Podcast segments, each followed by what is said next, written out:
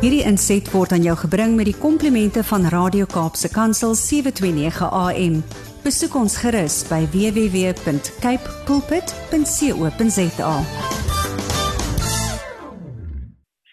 Liewe luisteraars, ek is Marita Martins. Weereens is dit so 'n Godgegewe voorreg vir my om vandag Bybelstudie saam met julle te mag doen oor 'n wonderlike tema uit die skrif. Kom ons stel dit eie teks. Ons tema is Hou jou 200 rand noot styf vas daar onder die dak van hoop. Kom ons lees eers twee skrifgedeeltes. Julle geloofsvertroue moet julle dus nie prys gee nie. Dit hou groot beloning in. Dit staan in Hebreërs 10 vers 35. Kom ons lees ook hier das 1 vers 20. Julle geliefdes moet egter voortgaan om julle lewe te bou op julle allerheiligste geloof. Geloof is vertroue en geloof uh, uh, in die Ou Testament en dit word geloof in die Nuwe Testament genoem. Saam is dit geloofsvertroue. Bid altyd deur die krag van die Heilige Gees. Bly in die liefde van God. Vestig steeds julle verwagting en ons noem dit ook geloofsverwagting of hoop op die barmhartigheid van ons Here Jesus Christus wat die ewige lewe aan julle sal gee. Ons Bybelstudie handel oor 'n lewe van geloof en hoop.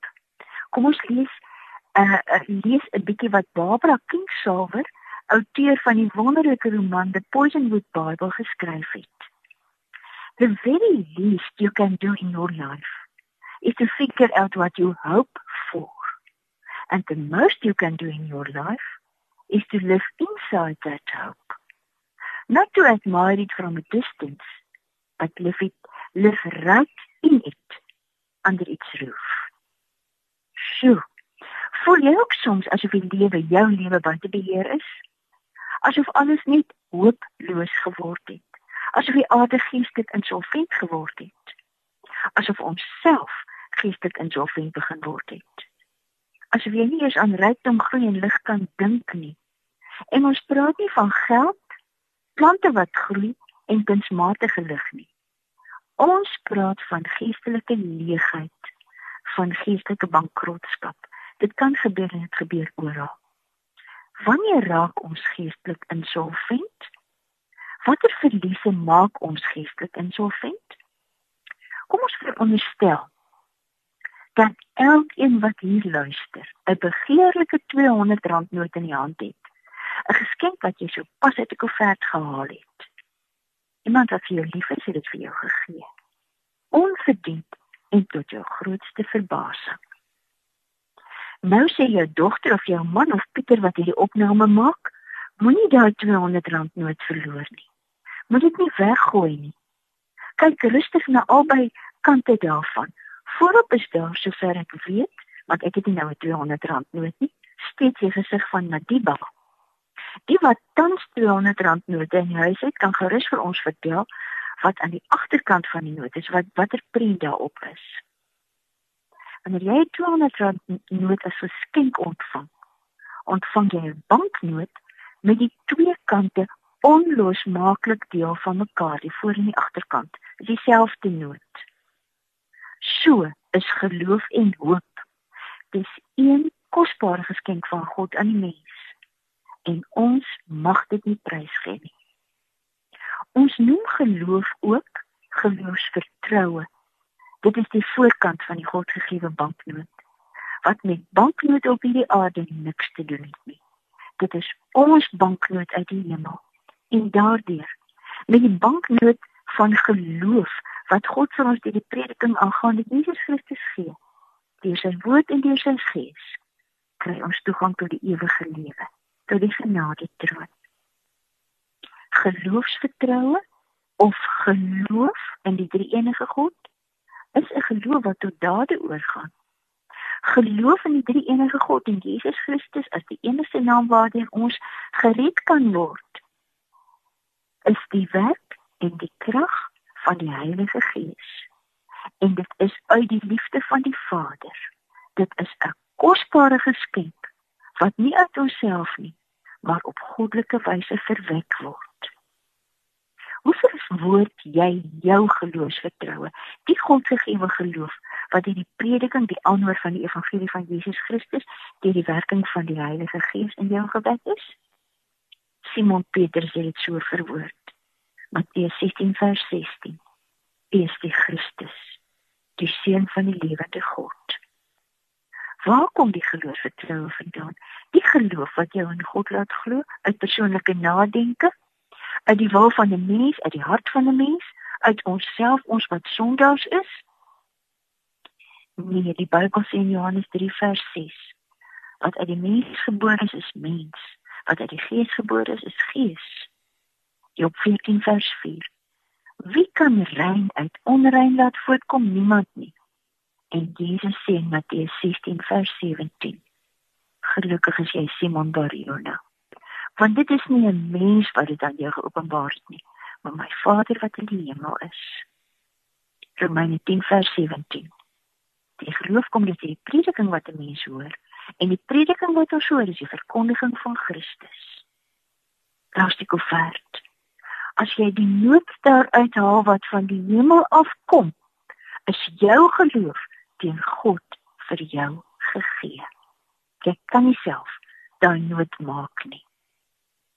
Ek oor hierdie wonderbaarlike Godgewe hemelse geloof wat ons nooit uit onsself kan verwek nie, praat die Gees en die Woord met ons.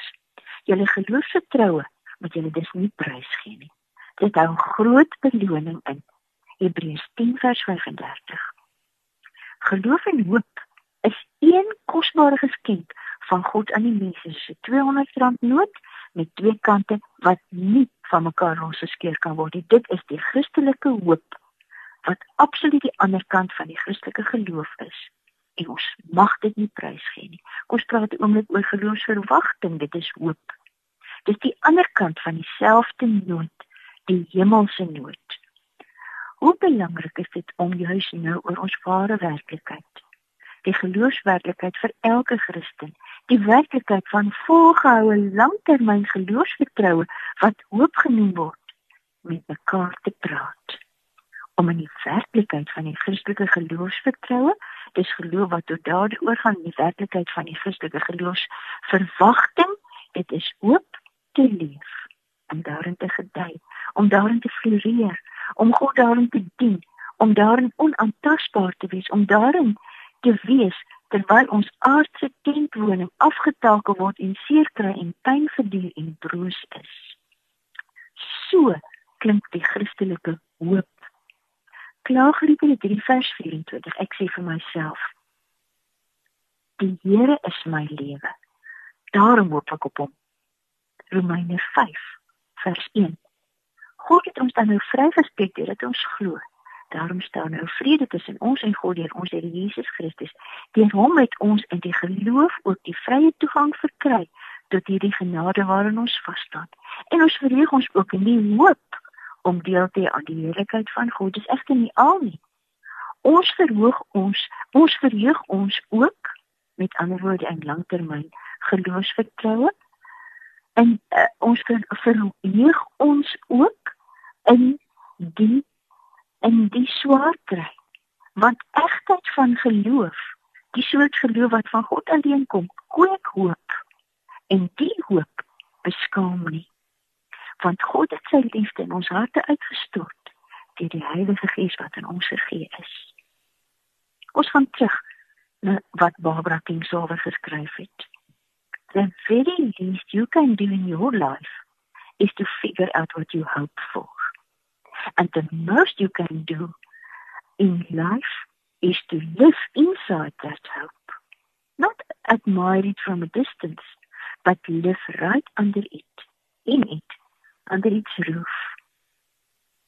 As verteenwoordigers en beelddraers van die ewige God, as mense oor wie die goeie tyding van Jesus Christus uitgegiet is, is die minste wat ons met ons lewe kan doen inderdaad om vas te stel wat die lig in ons lewe is, waar ons vertroosting en sorg vind, wat die waarheid is en waarop ons hoop. Die beste lewenskeuse wat ons dan kan maak, is om binne daardie lig, daardie vertroosting, daardie sorg, daardie waarheid en daardie hoop te leef. Om dit nie vanaf 'n afstand aan te prys nie, maar om daarin te leef, daaronder, soos onder 'n dak. Die lig in ons lewe is 'n persoon, Jesus Christus. Die weg en die waarheid en die lewe vir sondaars is 'n persoon, Jesus Christus. Die ware herder wat ons versorg en uit die doringbosse haal. Ons wonde verbind en ons terugneem na waar ons hoort, is 'n persoon, Jesus Christus. Die brood van die lewe is 'n persoon, Jesus Christus. Die openbaring van die volle wese van die Vader is 'n persoon, Jesus Christus. Die opstanding uit die dood is 'n persoon, Jesus Christus. Die ja op al die beloftes van God. Die vaste grond waarop ons in hierdie woeste en skriktyd skrikwekkende tyd op aarde gefestig staan, is 'n persoon, Jesus Christus. 2 Korintiërs 1 van vers 19 tot 20. Jesus Christus, die seun van God wat ons aan julle verkondig het, is nie ja en nee te gelyk nie. Hy is die ja van God, die ja op al die beloftes van God. God self het ons saam met julle op hierdie vaste grond gevestig op Christus. God het ons nou vir hom afgesonder, ons as sy eiendom beseël en die Heilige Gees in ons harte gegee as die waarborg dat ons alles nog verder sal ontvang. Die gewer van alle geloofsvertroue, my vertroue op God, my geloof is God. Die gewer van my geloofsverwagting, dis my volhardende geloof, dis die Christelike hoop, is God. Die hoop van die wêreld is 'n persoon, Jesus Christus.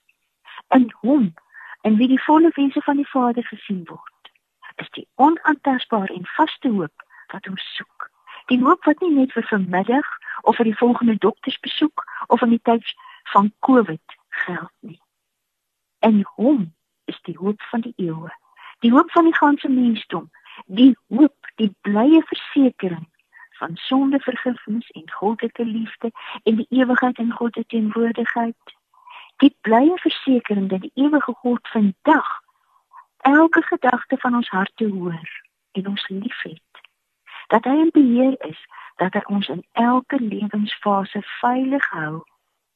Dat Jesus ons herder in groen weivelde is, dat hy ons na waters lei waar daar rus is. Dat hy in donker dieptes by ons bly. Dat hy die troue verbondsgod is.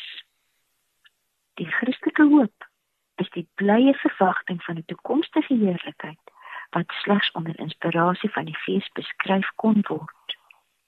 Die hoop, hierdie verwagting is deur die gelowende persoon en in Jesus Christus. Baie kinsover het geskryf: The very least you can do in your life is to figure out what you hope for. And the most you can do is to live inside that hope not admire it from a distance, but live right under it, in it, under its roof. Kom ons stel vandag weer vas waarop ons hoop. Ons heerlike skrifgedeeltes Romeine 8 vers 17. Hierop hoop ons. En omdat ons kinders is, is ons ook erfgename. Ons is erfgename van God, erfgename saam met Christus aangesien ons deel het aan sy lyding, sal ons ook deel hê aan sy heerlikheid. Romeine 9 So sal hy ook die rykdom van sy heerlikheid bekend maak aan die voorwerpe van sy ontferming, die mense wat hy reeds van tevore voorberei het om aan sy heerlikheid deel te hê onder hulle is ook ons wat hy nie net uit die Jode nie maar ook uit die ander nasies geroep het. So sê hy dan ook in die boek Hosea hulle wat nie my volk is nie, sal ek roep om my volk te wees. En haar wat geen liefde ontvang het nie, om my geliefde te wees. Kolossense 3 vers 4. Van die Christus wat julle lewe is, by sy wederkoms verskyn, sal julle ook saam met hom verskyn en in sy heerlikheid deel. In Tessalonisense 2 vers 12. Ons het julle ook elkeen bemoedig en aangespoor en op die hart gedruk om tot eer van God te lewe. Hy wat julle roep om in sy koninkryk in te gaan en so aan sy heerlikheid deel te hê. Daar's 'n ou Kersliedjie waarin die hoop van die wêreld, die persoon van Jesus Christus besing word. En ek wonder of ons dit al ooit regtig raak geluister het terwyl ons dit gesing het. Dit is Liedboek 349 in versang 87. Kom kinders, besing met 'n blye stem die wonder van God in die stad Bethlehem. Want daar is die heiland gebore die nag, die hoop van die wêreld deur eeue verwag. Here As begenadigde sondaars word ons in hierdie tyd gelei om ons oë meer en meer by onsigbare dinge te vestig. Net soos Abraham van ouds, van wie daar in Hebreërs 11 vers 8 geskryf staan. Omdat Abraham geglo het, het hy gehoor gegee toe God hom geroep het om weg te trek na die plek toe wat hy as erfdeel sou ontvang. Hy het weggetrek sonder om te weet waar hy sou uitkom. Omdat hy geglo het, het hy in die beloofde land gaan woon, 'n vreemdeling in 'n vreemde land. En tente het hy daar gewoon en so ook Isak en Jakob wat saam met hom erfgename van dieselfde belofte was. Want hy het uitgesien na die stad met vaste fondamente waarvan God self die ontwerper en bouer is. En ons Hebreërs 13 vers 14 tot 16.